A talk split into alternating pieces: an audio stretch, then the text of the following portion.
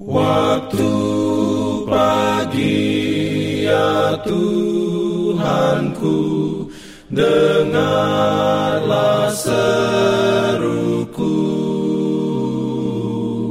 Melayang doa yang sungguh Memandang padamu. Selamat pagi pendengar Radio Advent Suara Pengharapan Mari mendengarkan suara Tuhan melalui tulisan pena inspirasi bersama Allah di waktu fajar. Renungan harian 25 Mei dengan judul Kita akan mati terhadap dosa.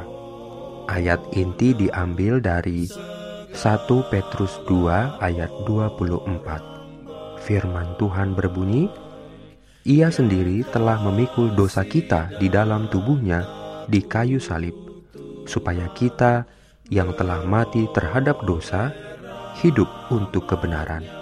Oleh bilur-bilurnya kamu telah sembuh. perlindungan dalam pimpinannya. Urayanya sebagai berikut. Satu hal penting bagi kita agar kita dapat menerima dan membagikan kasih Allah yang mengampuni itu adalah mengetahui dan mempercayai kasih yang Dia miliki untuk kita. Setan sedang bekerja dengan setiap tipuan yang dapat Dia perintahkan agar kita tidak dapat melihat kasih itu. Dia akan memimpin kita untuk berpikir bahwa kesalahan-kesalahan dan pelanggaran-pelanggaran kita telah begitu menyusahkan, sehingga Tuhan tidak akan menghargai doa-doa kita dan tidak akan memberkati dan menyelamatkan kita.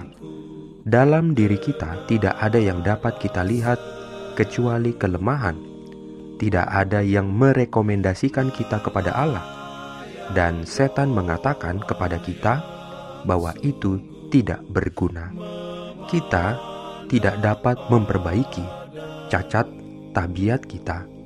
Apabila kita coba datang kepada Allah, musuh itu akan berbisik, "Tidak ada gunanya engkau berdoa." Bukankah engkau melakukan hal yang jahat itu? Bukankah engkau telah berdosa terhadap Allah dan melanggar hati nuranimu sendiri? Tetapi kita boleh mengatakan kepada musuh itu bahwa darah Yesus, anaknya itu, menyucikan kita daripada segala dosa. Apabila kita rasakan bahwa kita telah berdosa dan tidak bisa berdoa, itulah waktunya untuk berdoa.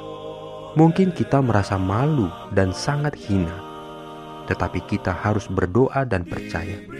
Pengampunan pendamaian dengan Allah datang kepada kita bukan sebagai suatu upah untuk pekerjaan itu itu tidak diberikan karena kebaikan orang-orang berdosa, tetapi itu adalah suatu pemberian kepada kita, memperolehnya dalam kebenaran Kristus yang tak bernoda sebagai dasar untuk memberikan.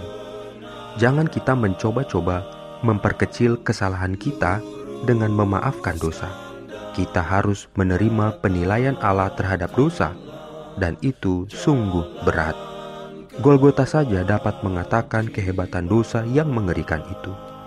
Jika kita harus menanggung kesalahan kita sendiri, itu akan menghancurkan kita. Tetapi Dia yang tidak berdosa telah mengambil tempat kita, walaupun tidak layak, Dia telah menanggung kejahatan kita. Amin.